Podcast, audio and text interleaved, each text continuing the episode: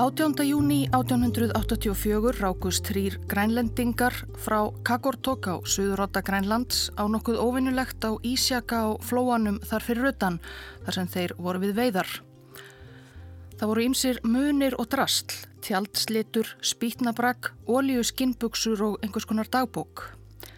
En fremur eitthvað hrúald þakið bjarnarfeldi sem mennirnir óttuðust að væri lík. Þeir hreyfðu ekki við hrúaldinu en fóru með hína munina í land. Við nánari skoðun leik lítill vafi á hvaðan þeir væru uppbrunnir. Bæði á spýtnabrakinu og í dagbókinni mátti sjá nafnið Jeanette. Og það var nokkuð merkilegt. Jeanette var bandarist skip sem hafi lagt úr höfn frá vesturströnd bandaríkjana með 33 manna áhöfn 1879, fimm árum fyrr. Markmiðið var að sigla norður í gegnum Beringsundið millir Alaska og Asíu og síðan enn lengra norður, jafnvel að sjálfum norður pólnum. Þángað hafði enginn komist enn og enginn vissi almennilega hvað væri þar að finna. En kenning skipstjóra Jeanette, George DeLong, var að volgir hafströymar úr Kirrahafi myndu fleita skipinu í gegnum hafísinn þar niðra og svo yfir í það sem hann taldi vera opið haf við Norðurpólinn. Þetta gekk ekki eftir. Kenningin var raung, það var ekkert opið pólhaf, bara íllfær ís. Jeanette festist í hafís eftir nokkura mánada siglingu rétt undan norðurströnd Sýberju. Skipið og áhöfnina rak svo í ísnum í næri tvö ár áður en skipið beigðloks ósigur í stríði sínu við ísin kramtist í sundur og sökk í júni 1881.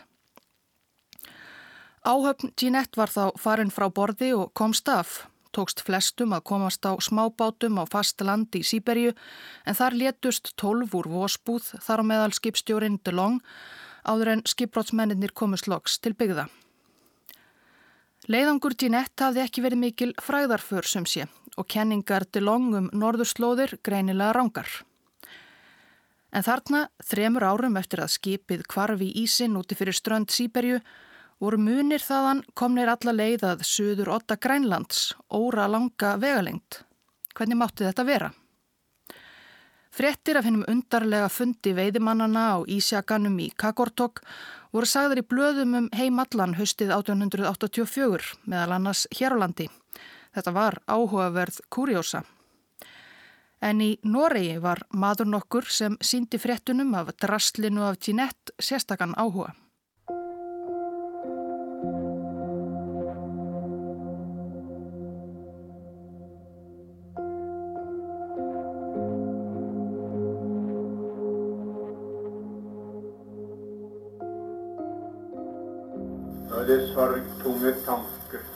Søker han, vår store ensomme landsmann der nord i isen, der hans sterke ånd fant vingefang over viddene. Da kommer noen linjer av Nordlandets dikter Service hu. Norðmaðurinn Frithjóf Nansen sem hér talar árið 1930 hefur áður komið við sögu í þessum þáttum. Nansen var hinn viðfrægi frumkvöðull í heimskutaferðum sem bæði Robert Scott og Roald Amundsen reyndu að leita til fyrir ferðalög sín á Suðurskottslandið um 1910. En þegar hann las fréttina um munina af Jeanette 1884 var hann rétt við upphaf ferilsins. Merket kartets hvite flekker, har du savnet, sultet, seiret, Frithjóf Nansen var fættur 10. oktober 1861 á sveitabíli rétt utan við Oslo norsku höfuborgina sem þá hétt Kristjania en höldum okkur við Oslo hér. Hann var af velstæðri fjölskyldu kominn af lög og embætismönnum. Hinn ungi Frithjóf var bærilegur námsmaður en mestan áhuga hafði hann á íþróttum og útivist. Hann hljóp og syndi og varði ótalstundum í skójinum við heimili sitt. Hans helsta ástríða voru þó skýðin. Hann byrjaði að skýða tveggja ára gamall og náði fljótt mikill í leikni. Hann var öflugur og óþreytandi á gunguskýðum og var heldur ekki lengi að tilenga sér nýja skýðastílin sem landar hans voru emitt að þróa í þelamörk, þelamörkur sveibluna. 19 ára gammal sigraði Nansen Noregs meistaramótið í gunguskýðum í fyrsta sinn, nokkuð sem hann átti eftir að endur taka marg oft. ekki löngu síðar hófan um tvítugt námi dýrafræði í Óslóarháskóla. Nansen var sem fyrr ekki mikill námshestur og valdi dýrafræðina helst því honum kom til hugarlundar að það fag gerði honum kleift að vera sem mest undir berum himni. Því þó hann reyndist svo kunna ágætlega við dýrafræðina stemdi hugur hans einlega alls ekki til fræðamennsku. Vorið 1882 tók Nansen örlagaríkt fyrsta skrefið eins og hann sjálfur orðaði það á þeirri braud sem átti eftir að enkjana líf hans næstu áratugina. Hann slóst í för með norska selveiðiskipinu Vikingi til að rannsaka dýralíf á norðurslóðum. Í fjóra mánuði var hann með veiðimönnunum á siglingu millir Svalbarða og Grænlands og naut sín í botnúti á köldu hafinu. Æsilegasta stundin var þegar selveiðiskipið festist um hríði hafís rétt undan strönd Grænlands. Dýrafræðingurinn ungi þurfti að hafa sig allan við til að standast freystinguna, að stökka á borði og stika milli ísjakana á land. Á þessum tíma var stór hluti Grænlands en ókortlagður, sérilagi Ísbreiðan mikla. Óvissan var lokkandi. En Nansen komst ekki í landi þetta sinn. Það var með trega í hjarta sem hann fyldist með Grænlandi hverfa sjónum á siglingunni heim og hann fór að hugsa upp sitt fyrsta þregvirki.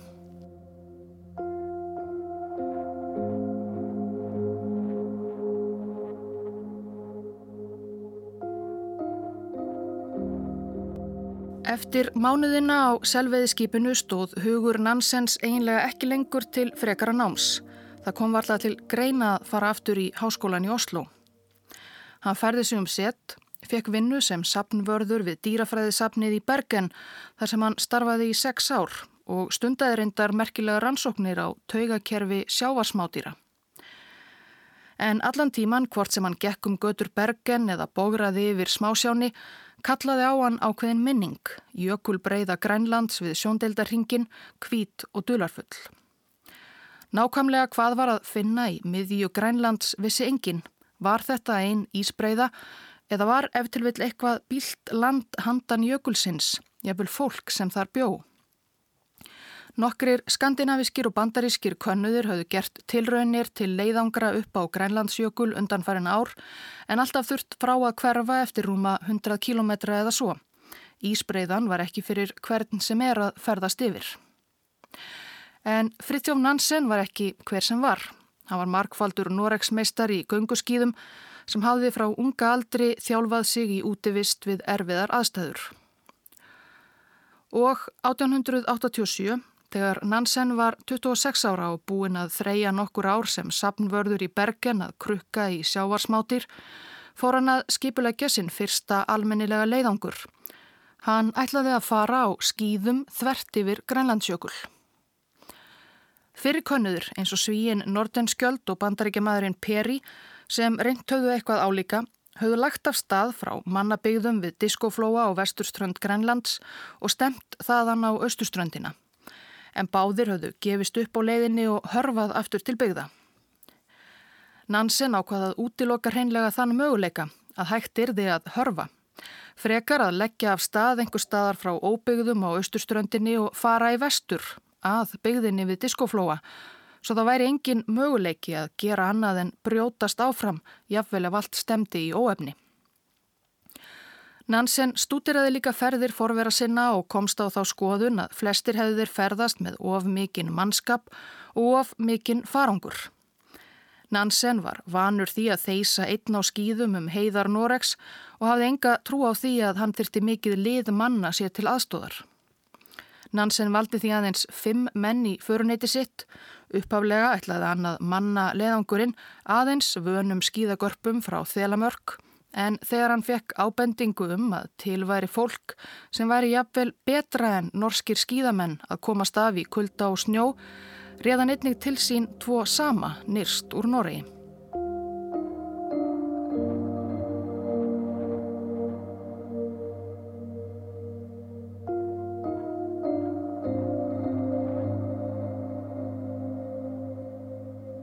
18. mæ 1888 kom strandferðarskipið Týra til Hafnar á Þingeri eftir ferði yfir hafið frá Skotlandi. Um borð var meðal annars 27 ára hávaksinn og hraustlegur norðmaður Frithjóf Nansen á samt föruneyti sínu, sömunum tveimur og þremur norðmönnum. Siglingin til Íslands var fyrsti leggur í Grænlandsför Nansens. Ferðalangarnir fengu inni á loftinu hjá Gram Kaupmanni í Kaupfélagshúsinu á Þingeri í nokkra daga meðan þeir byðu eftir næsta farkosti. Nansen hafi samið við Norst selveiðiskip, Jason, um að flytja sig frá vestfjörðum til Grænlands. Nokkrum dögum fyrir brottför frá Þingeri fór Nansen með félaga sína á skýði á glámu. Fór ekki betur en svo að annar samin, Samuel Baltó, datt og meittist á fæti. Nansen velti því fyrir sér hvort hann ætti að skilja saman eftir. Hann mun hafa spurst fyrrum þá Þingeri hvort einhver Íslendingur vildi slást með í för í hans stað. En fekk litlar undirtæktir hjá heimamönnum Svo Baltó var um borði í selveiðiskipinu Jason þegar það lagði af stað frá Þingeyri 4. júni 1888. Eftir um sex vikna siklingu 17. júli setti Jason, Nansen og félaga út við Sermelik fjörð á austurströnd Grænlands. Og 78 dögum síðar, 3. oktober, fóru Nansen og félagar hans síðasta spölin eftir krefjandi en þó nokkuð greiða skíðaferð inn í grænlenska bæin Gotthop eða Núk. Nansen hafi breytt ferða áætluninni örlítið, ekki farið alla leið norður í diskoflóa en það hafði aldrei kvarlað á honum að hörfa. Honum hafði tekist ætlunarverk sitt að fara á skýðum þvert yfir Grænland yfir Ísbreiðuna miklu. Í Núk tók á móti norðmanninum danskur embætismadur með hamingjóskir Örfáum dögum fyrir brott för frá Noregi hafði Nansen skilaðinn doktorsritgerðum taugakerfi sjávardýra. Danin gatt með ánæju tjáðunum að ritgerðin hafi verið samþygt, hann gatt kallað sig doktor Nansen.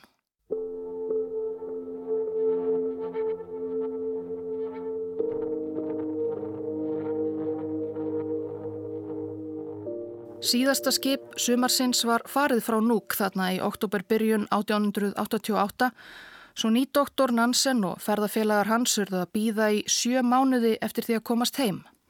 Nansen notaði tækifærið og kynnti sér lipnaðarhætti innfættra grænlendinga, æfði sig í veiðum og kæjagróðri. Loks 30. mæ 1889 sneri hann aftur til Kristjaníu til Oslo.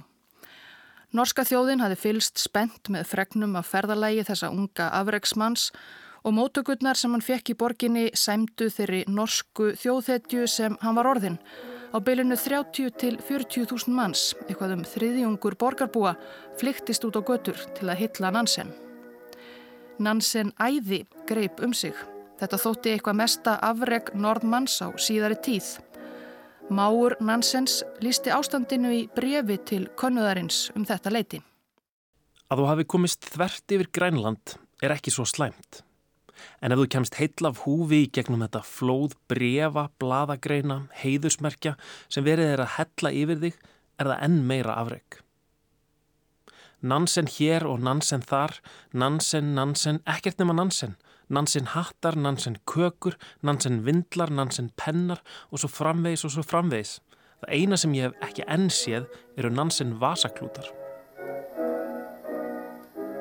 Engu staðar fagnandi í mannskaranum þennan dag 30. mæ 1889 var svo annar upprennandi skíðagarpur, 16 ára gamall, sem varð svo uppnuminn í fagnaðalátunum að hann ákvaði að hann sjálfur skildi einnig verða hildur heimskautakönnuður. Það var ungur Róald Amundsen, en það er önnur saga. Eftir Grænlandsævintýrið var Nansen bóðin staða við dýrafræðisapn gamla skólansins, háskólans í Oslo. Hann var í orðin doktor. En í starfinu fólust engar rannsóknarskildur, einlega alls ekki neitt. Nansen þótti svo merkilegur orðið að honum voru greitt laun einfallega fyrir að vera til. Meðal þess sem þjóðhetjan fegst við næstu missurinn var að skrifa bók um grænlandsferð sína á skýðum yfir Grænland. Hún slóað sjálfsögðu í gegn. En svo var hann líka þegar komin með hugmynd að sínu næsta ævintýri sem þurfti að skipuleggja. Því þessi litla frétt frá því 1884 um tjaldslitrið og sprítnabrakið af bandaríska skipinu Jeanette sem dukkaði upp á Ísjaka í grænlenskum flóa, hún hafði aldrei liðið honum úr minni.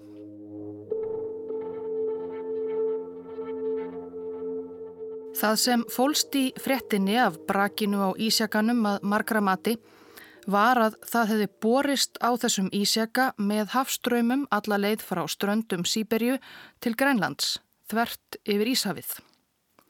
Ströymar norður Íshafs voru enn nokkur ráðgáta en kenning sem vísindamenn kostuðu á milli sínum G-net-fundin var að brakið hefði rekið vestur Karahaf, hafsvæði í Ísafinu norðan við Sýberju, svo norður fyrir Svalbarða og þaðan söður með ströndu Grænlands.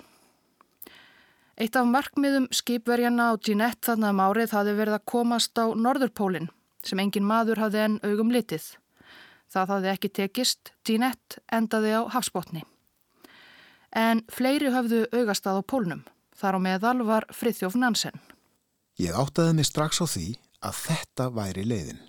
Ef Ísjaki gatt ferðast í gegnum hið óþefta, þá var ég hægt að nota þá sömu hafströma til landkönnunar. Þannig varð áallin mín til. Jú, gæti ekki verið að Jeanette Jakin hefði á ferðalagi sínu frá Sýberju til Grænlands rekið yfir sjálfan Norðurpólinn og gæti maður þá ekki leikið sama leik á skipi. Nansen hafi velt þessu fyrir sér árum saman og í þægilegri stöðu hans við háskólan í Oslo fekk hann loks tækifæri til að setja saman ferðaáætlun. Hugmyndin hljómaði eflaust nokkuð furðulega flestum þeim sem heyrðu af henni en Nansen ætlaði sér í stuttumáli að sigla á svipaðar slóðir og bandaríska skipið Jeanette hafði farið niður, festa skipsitt þar vísvitandi í hafísnum og, já, og býða. Býða og sjá hvert ströymatnir tækjuan og hvort það erði kannski, vonandi, á sjálfan Norðurpólinn.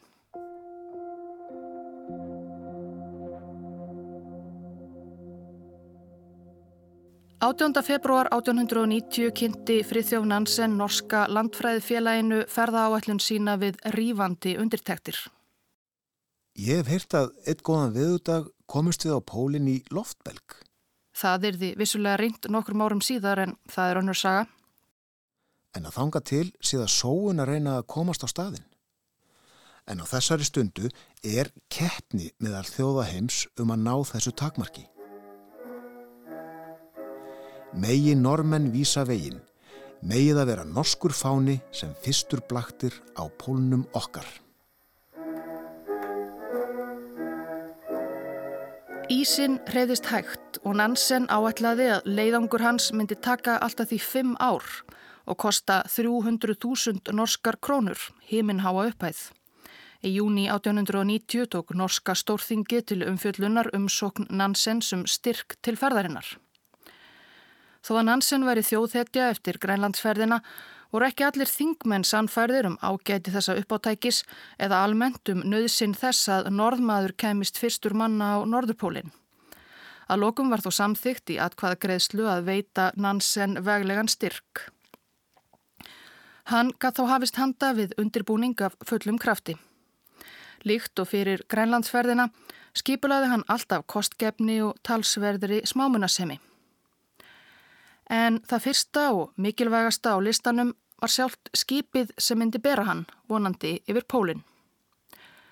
Margir forverar hans í norðurslóðaferðum höfðu notast við gömul, kval eða selveiðiskip. Það voru sterk byggð skip og hönnuð til siglinga á þessum köldu slóðum. En ef áætlun Nansens átti að ganga upp þurfti hann eitthvað alveg sérstakt. Hann varð að fá sérsmíðað skip. Skipið sem Nansen vildi átti ekki aðeins að vera einstaklega sterk byggt til að standast þrýsting hafísins, heldur átti það ennfremur að vera óvinnulegt að lögun með breyðan ávalan kjöl og slettan sem ísin næði ekki gripi á. Skipið myndi einfaldlega renna úr greipum ísins eins og all, eins og Nansen sjálfur orðaði það. Skipið var þó einning að vera vel siglingarhæft fyrir langa sjóleiðina ströndum Sýberju og áhöfninni þægilegur bústaður í mögulega einhver ár. Margir töldu kröfur Nansens of miklar. Alla þessa eiginleika var ekki hægt að sameina í einu og sama flegi. En í desember 1890 fór Nansen til Hafnarbæjarins Larvik um fimm tíma lestarferð suð vestur af Oslo á fund skipasmiðarins Colin Archer.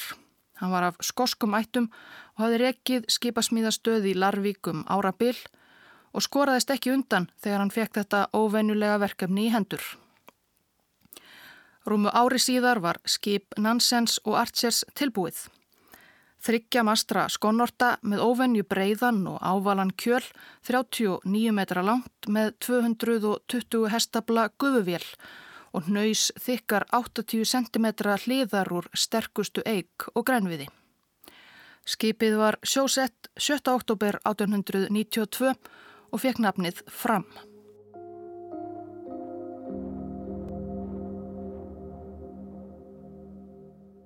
Norska ríkistjórnin hafi fengist til að styðja framtagnansens en mörgum fannst þetta enn hljóma eins og óðsmanns æði.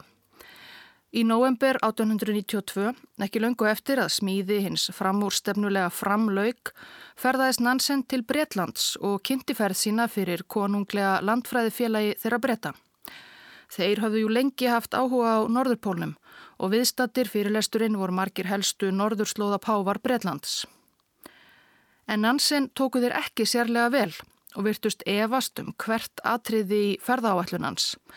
Eða eins og Nansen saði frá Einn af öðrum komu þessi gömlu bríni og gerðu sitt besta til að hella yfir mig köldu vatni. Þetta var ekki ofmælt. Nansen mætti talsvert mótlæti frá reyndum heimskautaförum ekki aðeins í Breitlandi. Bandaríski herfóringin Adolfus Gríli hafði á árunum 1881 til 1884 siltum heimskutæjar Kanada með lið manna við ímsar vísindaransóknir.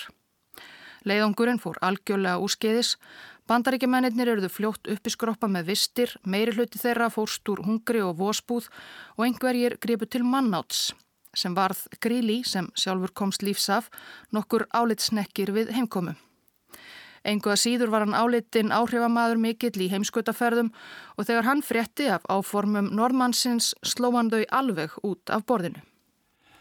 Ég er efinsum að nokkur sjómælingamadur myndi taka kenningu hans um pólströma af einhverju alvöru. Eða nokkur heimskautafari styðja þessa fyrirætlun.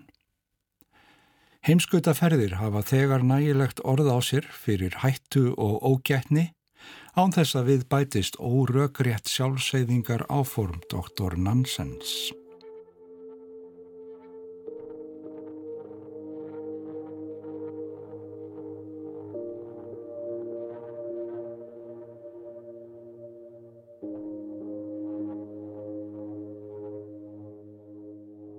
Nansen let gaggrínina þó ekki á sig fá. Hann var jafn samfærður um áform sín og fyrr og áhugi almennings á fyrirhuguðu ferðalagi hans var mikill í Noregi og víðar. Nansen bárust umsóknir um pláss í leiðangrinum frá öllum heimsornum. Einn umsækjandi var ungur Róald Amundsen, þarna rétt um tvítugt og aðdáandi Nansens frá táningsárum. Hann hafði ekki erindi sem erfiði. Amundsen var reynslu lítill enn og þau ekki vildi móðir hans ekki að hann færi út í þetta glabræði. Þegar Nansen var í Lundunum bárust honum einnig umsóknir. Fredrik nokkur Jackson var þá nýkomin heim og næri 5.000 km sleðaferði yfir sífrera Sýberju. Hann var viðstatur fyrirlestur normannsins í konunglega landfræðifélaginu og lísti honum svona. Nansen var klættur í dökkföt, svartan frakka og með svartan hatt, svo hann myndi nokkuð á skurk af leiksviðinu. Hughrif sem hurfu um leið af vingjarlegu brosinu sem hann kynnti sig með. Þó hann væri vingjartlegur hafði Nansen ekki áhuga á kröftum Jacksons, raunar engum útlendingum. Nansen vildi hafa valin mann í hverju rúmi og að auki manna leiðangur sinn alfarið norðmönnum. Fredrik Jackson var fljótur að ná sér eftir þessi vonbreyði. Hann fór raunar fljótlega að skipuleggja sinn eigin leiðangur norður en við komum að því síðar.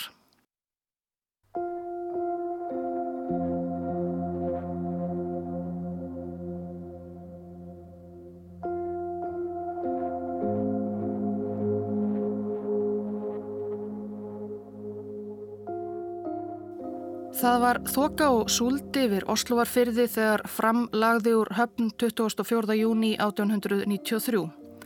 Fjöldi fólks aði sapna saman á hafnarbakkanum til að kveðja norska ofurhugan Nansen. Stemmingin var þó nokkuð tregafull. Um borði fram var 13 manna áhöfn og einn breskur bladamæður, Herbert Ward, sem sildi með skipinu fyrsta spölinn. Það var mistur yfir en þegar doktor Nansen stóð á þilfari braust sólinn í gegnum skíin og varpaði daufum ljóskisla á ströndina í um mílu fjarlægð.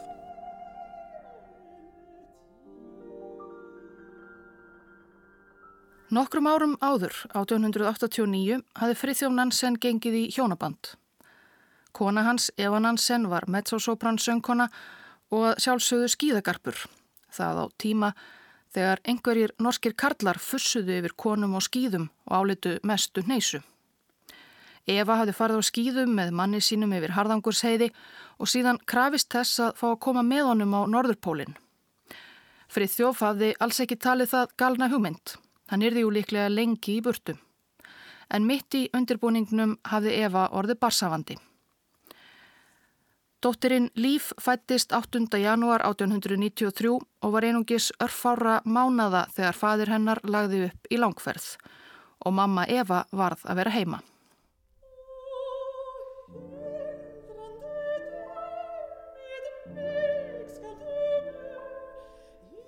Í klettunum við ströndina stóð frú Nansen klætt í ábyrrandi kvítan kjól. Þessi sín varði aðeins í örf á andatök. Skamlíft sólskinnið kvarf og fjarlægströndin varð aftur að þókukendum skugga. Ég gleymi aldrei trega þessara stundar. Nansen var mjög hugrakkur en maður sá að hann leið sálar kvalir og átti erfitt með sig. Þetta var ekki orðum aukið hjá breska bladamanninum. Nansen skrifaði nokkur síðar í brefi til Efu að hann hefði upplifað allt svart við brottfur, að hann hefði verið við það að brotna saman en það var jú ekki í bóði. Hann hafði undirbúið leiðangurinn í mörg ár og nú var allt til reyðu.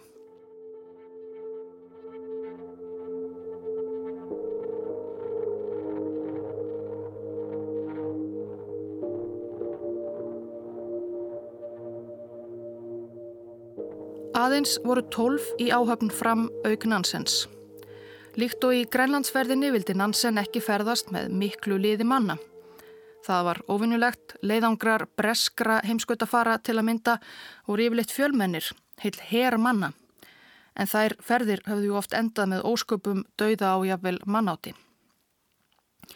Næstráðandi Nansens í leiðangrinum og skipstjóri á fram var maður sem Nansen þekkti vel. Otto Sverdrup hafi verið með honum í skíðaferðinni yfir Grænlandsjökul. Hann var 7 árum eldri en Nansen, Sverdrup 39, Nansen 32 og reyndur sjóari en sjálfur hafði Nansen enga reynslu af því að stýra skipi og áhöfn. Nansen hafði litla hugmyndum hver langan tíma ferðin myndi taka.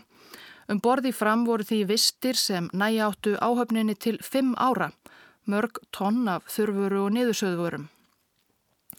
Maturinn sem Nansen valdi til ferðarinnar var eins fjölbreytilegur og ferskur og niðursóðin matur gætt verið Ég vonum að koma í veg fyrir að mennirnir fengu skirbjú eða aðra hörgulsjúkdóma sem um aldir höfðu hrjáð sjóara í langferðum.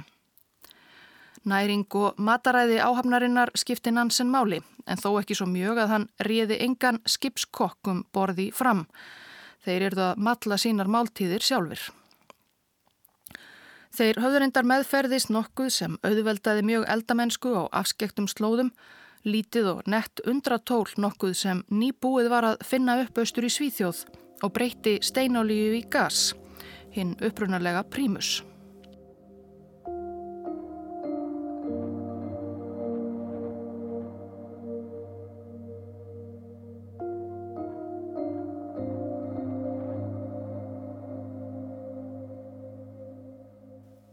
Upphaflega hafði Nansen ætlað að fylgja ferð hins ólánsama bandaríska heimskautaskips Jeanette næstum algjörlega.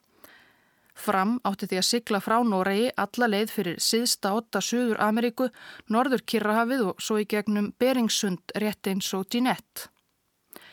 Fyrir brottför skipti hann þó um skoðun og stitti leið skipsins verulega. Frekar skildi hann fylgja fordæmi sænska könnuðarins Nordenskjólds sem árin 1878 og 79 hafði silt skipi sínu veka norð-austurleiðina svo kolluðu, norður fyrir Skandinavíu og svo með norðurströnd Sýberju. Frá Oslo stemdi fram því strax í norður. Á leiðinni norður með Norri kom fram við í Bergen, Þrántæmi og Tromsö og fengu Nansen og félagar kvarvetna miklar háttíðar mótökur. Síðasta norska stopp fram var Vartu, austasti bær Noregs. Þangað kom skipið 18. júli. Það var hljómsveit sem spilaði á Hafnabakkanum. Fjörðurinn var fullur af bátum, fánar í hverri hendi. Fólkið hefði verið að býða okkar síðan kvöldið áður. Og hér fengu við mikilfenglega visslu með ræðum og kampaðins flóði og hér kvöttu við Noreg í hinsta sinn. Kampaminsveislan í Vardö var þó ekki alveg síðasta upp og koma framverja í Noregi.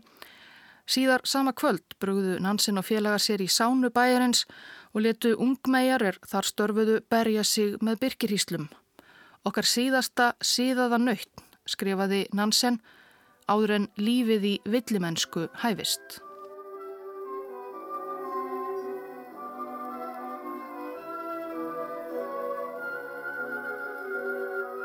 Árla morguns 19. júli helt fram úr höfn í Vardu.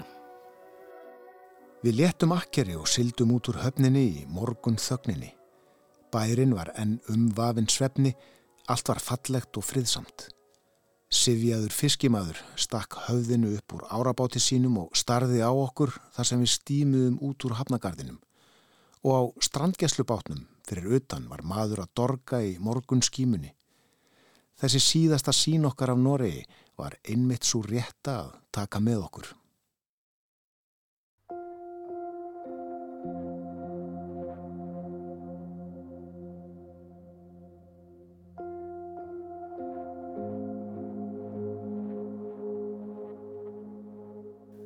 Fram var eins gott skip og Nansen hafði ætlað. Siglingin sóttist vel. Næsti viðkomustadur var Kaparófa, lítil og afskekt byggð á rúsneska eigaklasanum Novaja Semlja. Þar hafði Nansen samið um að kaupa 34 sleðahunda síberíska samójeta sem fluttir voru um borð eftir að Nansen og félagar spreyttu sig á því að láta þá draga sleða. Það gekk ekki sérlega vel, fyrsta tilraun, mennirnir hafðu litla reynslu af hundasleðum. En það var nægur tími til að æfa sig síðar meir og þeim var ekki til setunar bóðið. 3. ágúst hjælt fram austur í Karahaf, norður af Sýberju. Fáskip höfðu siltum Karahaf áður, fáir áttþangað nokkuð erindi, svo það var að stórum hluta og kortlagt.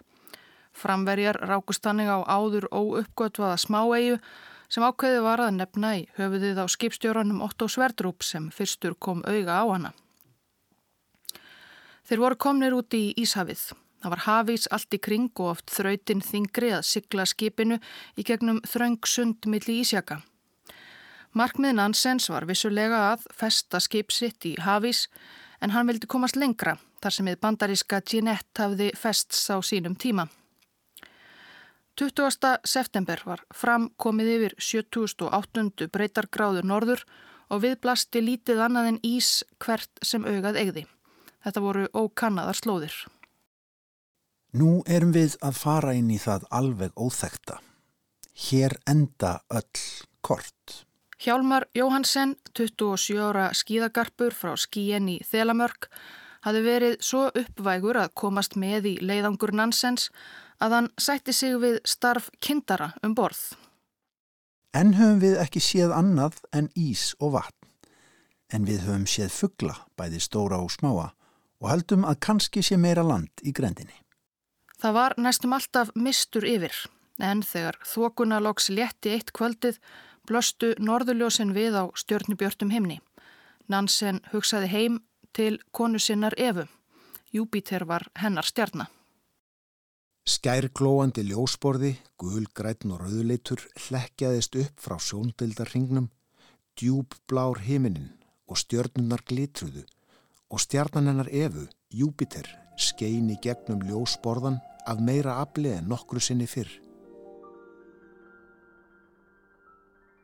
Það er ekkert til eins indislega fallegt og heimskautanóttin. Þetta er drömkend sín. Hún er ljósa ljóð úr öllum fingerðustu tónum sálarinnar.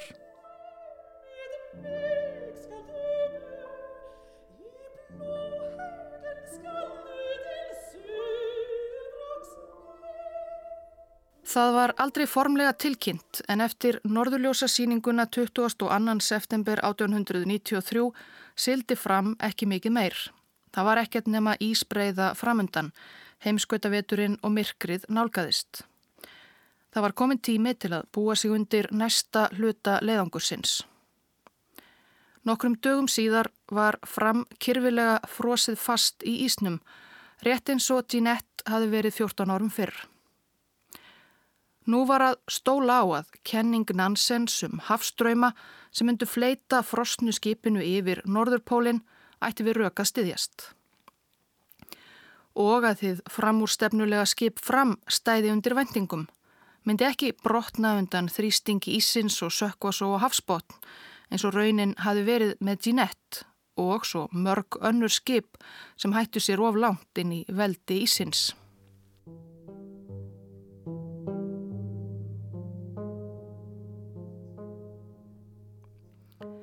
Nansen hafði áætlað að það gæti tekið alltaf því einhver ár að reka yfir pólinn.